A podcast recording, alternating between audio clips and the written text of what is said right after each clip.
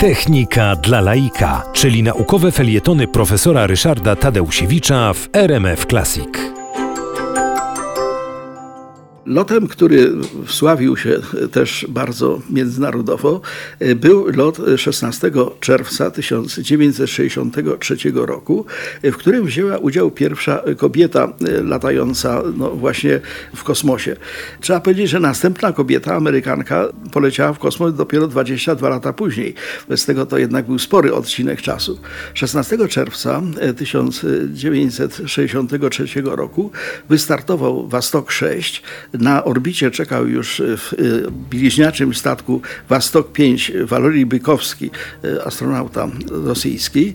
No i te statki no, krążyły wokół Ziemi razem, zbliżały się do siebie. Najbliższe zbliżenie było na 6 kilometrów, także widzieli się doskonale. Ja zwracam uwagę, że te statki kosmiczne poruszały się wtedy z szybkością 8 kilometrów na sekundę.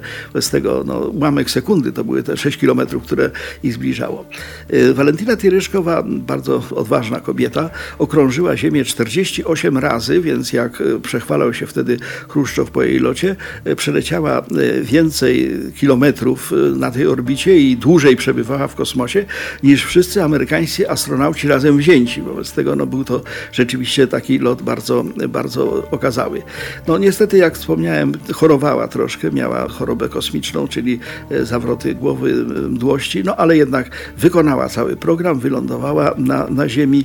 Wobec tego no, był to na pewno sukces. Natomiast kolejnym, jak gdyby no, ciągiem dalszym tego, tej jej przygody w kosmosie było to, że no, za oczywiście no, odpowiednim tutaj przyzwoleniem władz partyjnych i rządowych wyszła za mąż za kosmonautę Andrija Nikołajewa.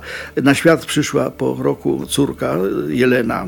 No niestety małżeństwo się nie do końca układało tak jak lot kosmiczny, bo w 1982 roku para wzięła rozwód. Niemniej Walentyna Tereszkowa była, jest e, bardzo szanowana jako osoba, która właśnie jako pierwsza e, latała w kosmos.